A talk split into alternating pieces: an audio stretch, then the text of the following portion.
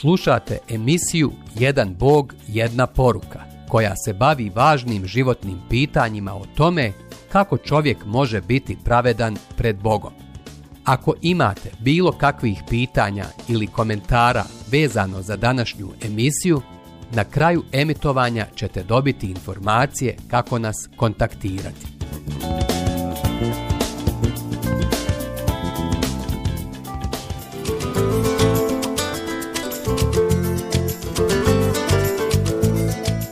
Jedan Bog, jedna poruka.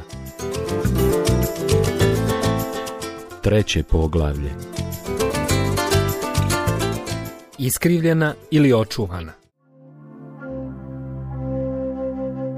Svici sa mrtvog mora.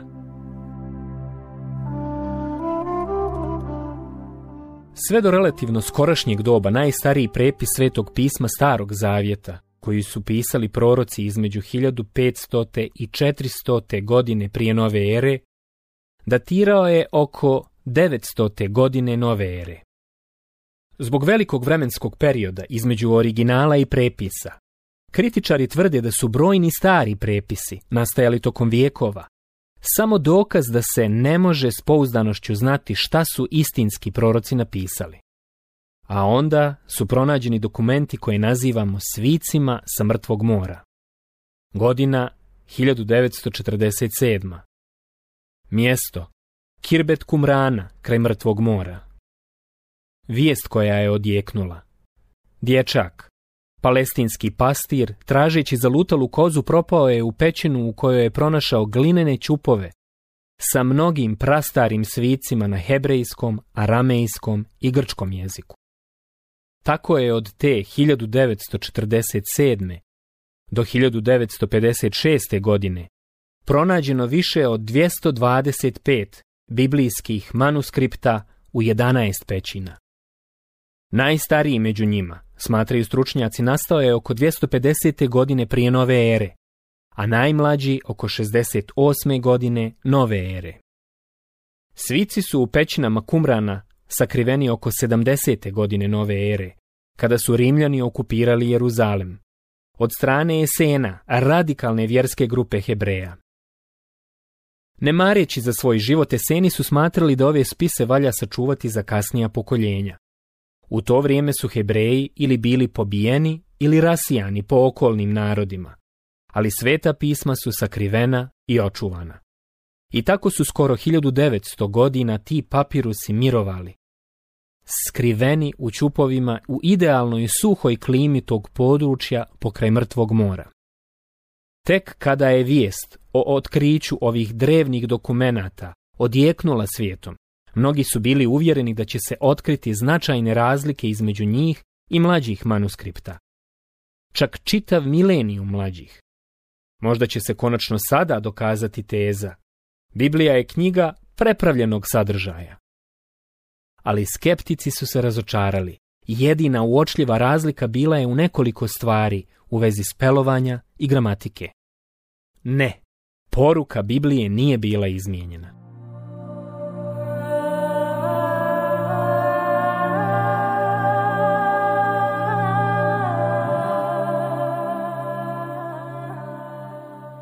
Svici sa mrtvog mora 250. godine prije nove ere, 68. godine nove ere. Prethodni poznati, najstariji manuskripti, 900. godine nove ere. Biblija danas. Nepromijenjena.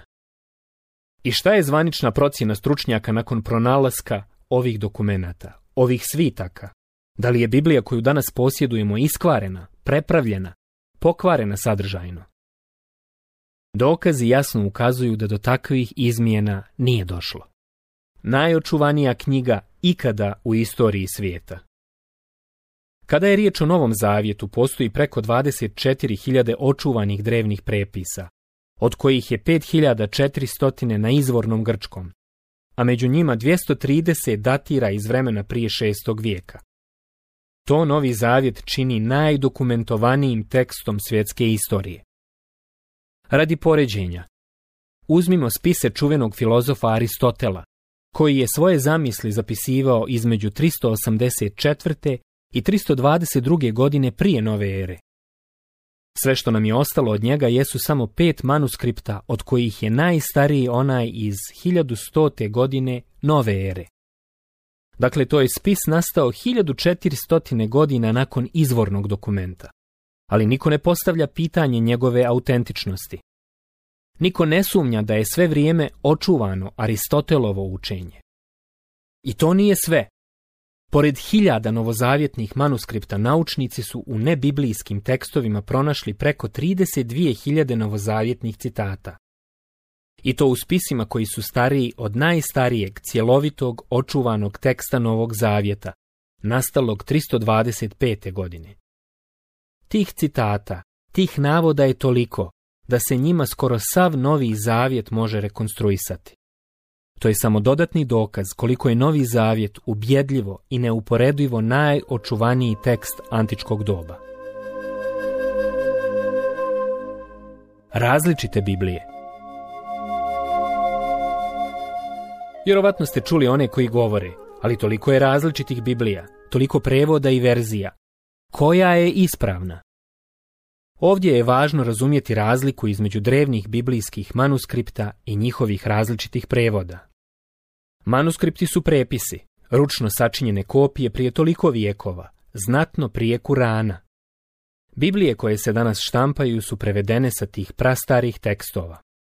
U cjelini i u dijelovima Biblija je prevođena sa izvornih jezika.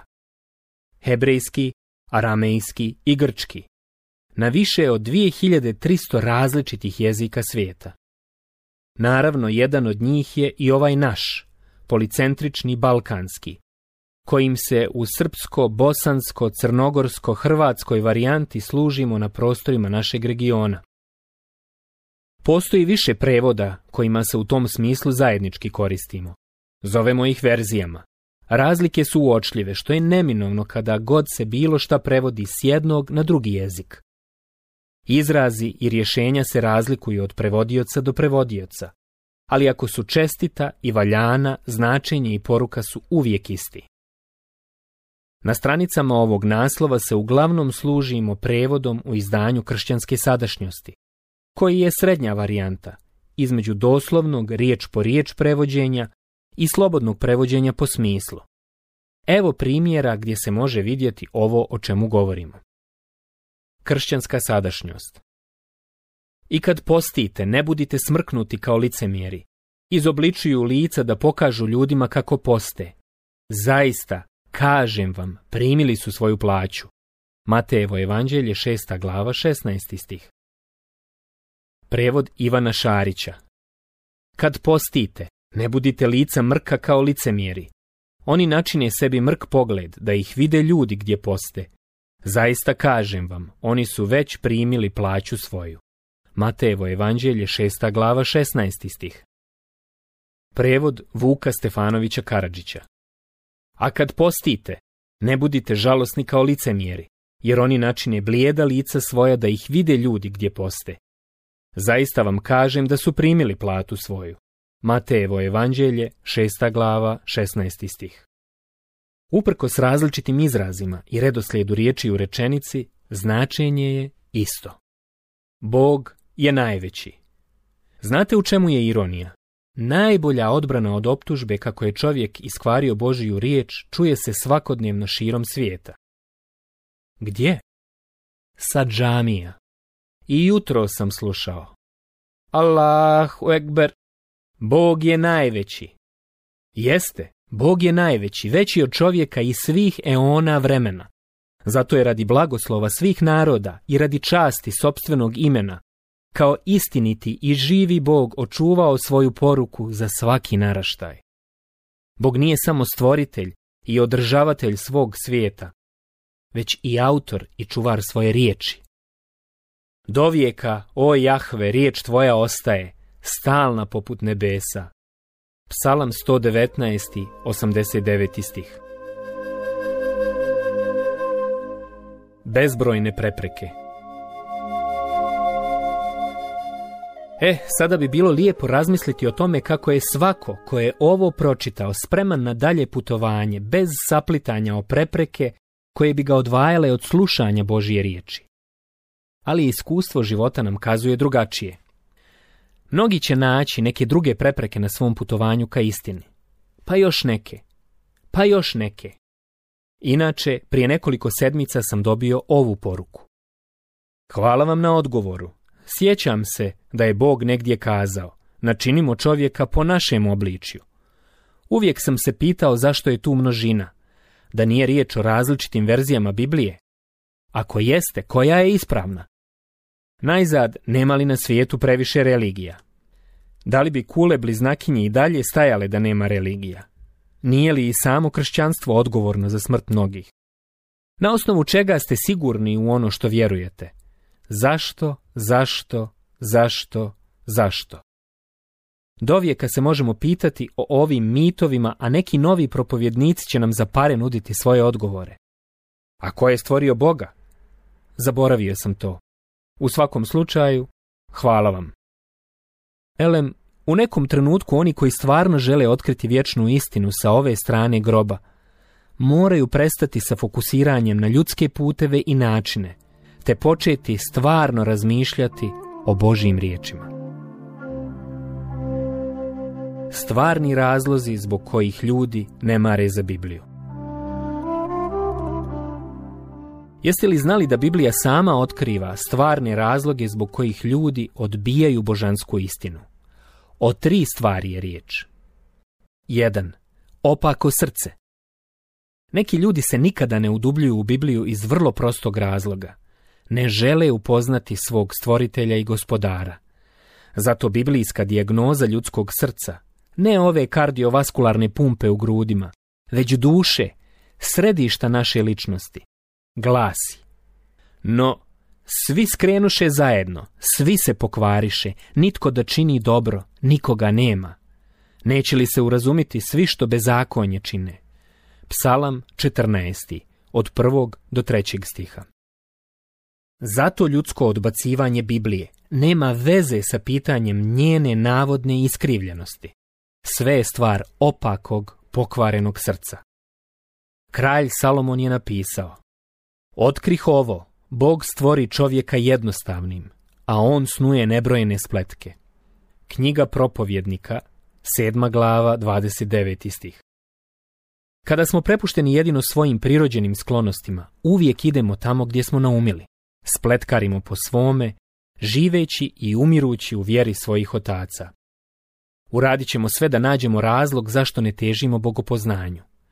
Elem, koju stranicu dalje, na ovom našem započetom putovanju za istinom, otkrićemo zašto volimo baš to rješenje. Za sada nam je dovoljno da imamo na umu zašto nas dobra knjiga uporno upozorava. Tko ima uši, neka čuje. Matejevo evanđelje, 13. glava, 9. stih. 2. Brige i bogatstvo neki nikada ne proučavaju Božiju knjigu jer su jedino okrenuti i posvećeni ovom ovdje i ovom sada. Ali briga vremenita i zavodljivost bogatstva uguše riječ, te ona ostane bez ploda.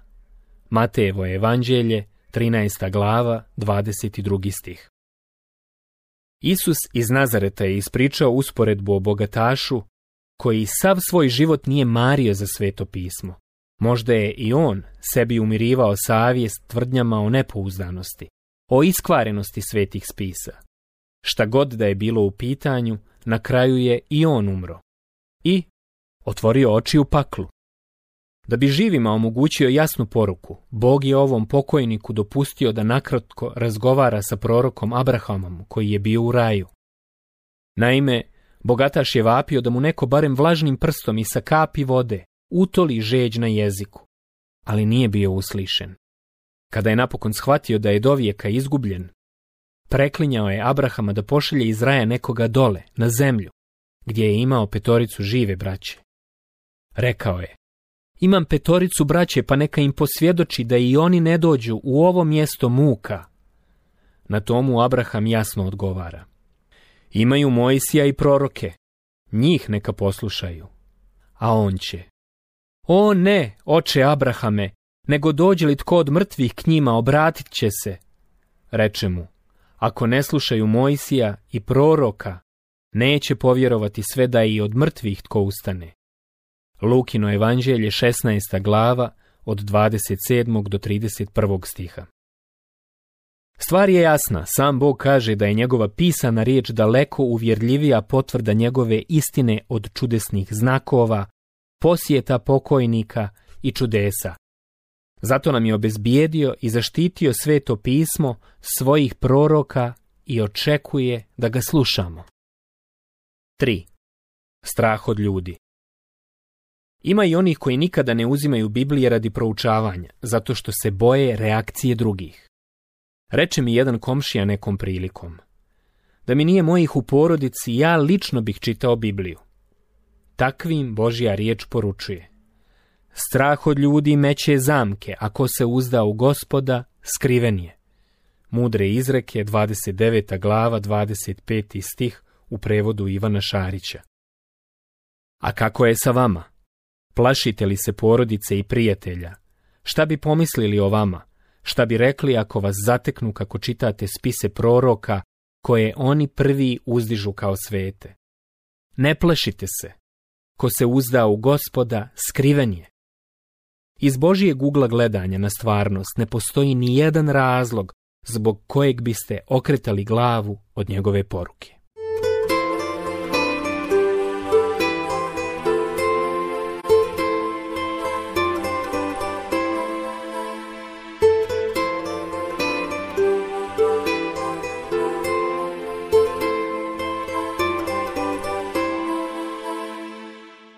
Hvala vam što ste slušali današnju emisiju. Kontaktirajte nas putem našeg e-maila putpravednosti.bih.gmail.com ili putem naše Facebook stranice Put pravednosti. Do sljedećeg slušanja.